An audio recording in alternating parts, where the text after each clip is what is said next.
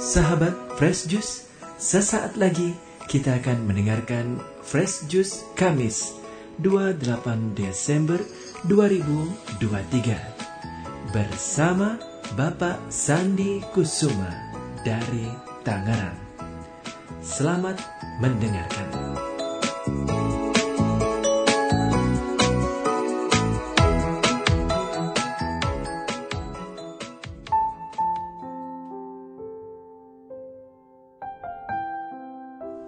Para pendengar dan pewarta Daily Fresh Juice, hari ini Kamis 28 Desember 2023, hari keempat dalam oktav Natal.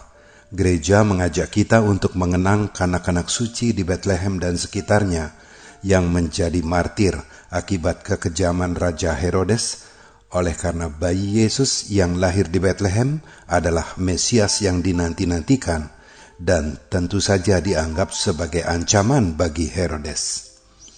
Herodes menjadi sangat marah karena merasa diperdaya oleh orang-orang Majus yang datang kepada bayi Yesus. Lalu Herodes menyuruh agar semua anak laki-laki di Bethlehem dan sekitarnya dibunuh. Inilah Injil suci menurut Matius.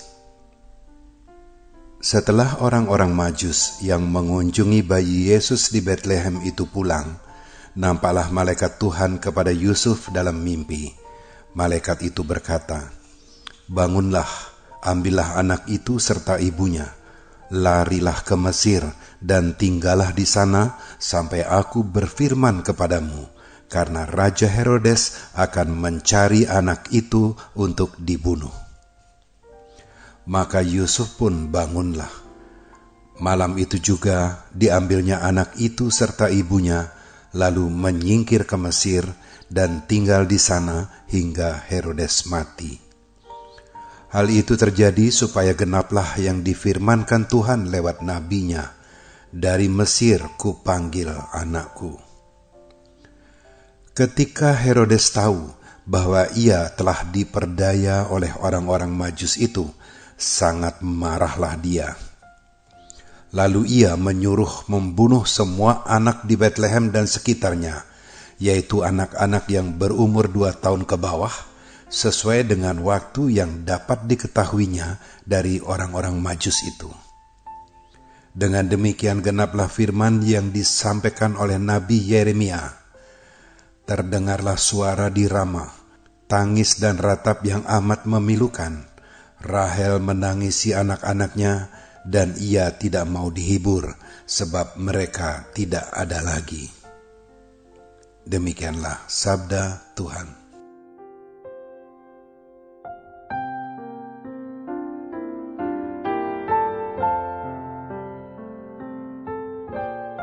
Para pendengar dan pewarta Daily Fresh Herodes Agung yang memerintah di wilayah Yudea terkenal karena kekejamannya ia tak segan-segannya memberi perintah untuk membunuh semua kanak-kanak yang berumur dua tahun ke bawah, gegara ia tidak dapat menemukan di mana sang Mesias berada.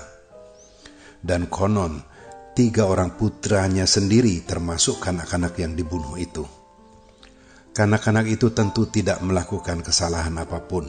Mereka dibunuh hanya karena mereka sebaya dengan Yesus Entah berapa banyak anak-anak dibunuh, mungkin puluhan anak atau mungkin ratusan. Sesungguhnya Raja Herodes hanya ingin membunuh kanak-kanak Yesus, tetapi karena tak berhasil menemukan, maka semua anak-anak di Bethlehem dibunuh. Yesus luput dari pembantaian itu. Tuhan mengutus malaikatnya datang kepada Yusuf di dalam mimpi dan berkata, "Bangunlah, ambillah anak itu serta ibunya, larilah ke Mesir dan tinggallah di sana sampai aku berfirman kepadamu, karena Raja Herodes akan mencari anak itu untuk dibunuh. Yesus dan Maria membawa Yesus mengungsi ke Mesir sebelum orang-orang suruhan Herodes tiba di Bethlehem, sehingga selamatlah Yesus. Ini terjadi karena pertolongan Tuhan Dua kali Tuhan mengutus malaikatnya untuk datang melalui mimpi. Yang pertama kepada orang-orang Majus, agar jangan kembali kepada Herodes untuk memberi kabar tentang Yesus. Dan yang kedua kepada Yusuf, malaikat Tuhan, menyuruh Yusuf membawa Maria dan bayi Yesus mengungsi ke Mesir. Para pendengar dan pewarta dari Fresh Juice, sejak dahulu kala dan sampai sekarang pun masih terus terjadi, orang bisa menjadi buas dan kejam oleh karena kekuasaan, ingin berkuasa terhadap orang lain.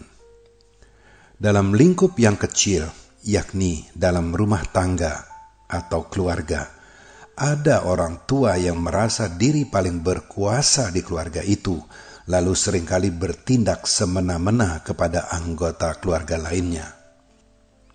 Tak terbilang jumlahnya, raja-raja juga memperlakukan rakyatnya dengan kejam, seolah-olah nyawa manusia tak ada harganya sama sekali. Ucapan raja adalah undang-undang, mengikuti suasana hatinya saat itu, dan sewaktu-waktu bisa berubah sesuka hatinya. Manusia tidak mempunyai hak fundamental atau hak dasar yang telah melekat pada setiap manusia sejak ia dilahirkan dan tak dapat dipisahkan darinya sampai ajalnya tiba, yakni hak yang disebut sebagai hak azazi manusia atau HAM. Hak fundamental ini bersifat universal tanpa memandang ras, suku, agama, jenis kelamin, kebangsaan, atau status lainnya. Diskriminasi sama sekali tidak dibenarkan. Kita bersyukur karena negara Indonesia telah melindungi hak asasi kita sejak kemerdekaan diproklamasikan tahun 1945 yang lalu, dicantumkan dengan jelas pada pembukaan Undang-Undang Dasar 1945 dan dipertegas oleh ketetapan MPR RI nomor 17 garis miring MPR garis miring 1998 lalu setahun kemudian disahkan menjadi undang-undang, yakni Undang-Undang Nomor 39 Tahun 1999 tentang hak asasi manusia.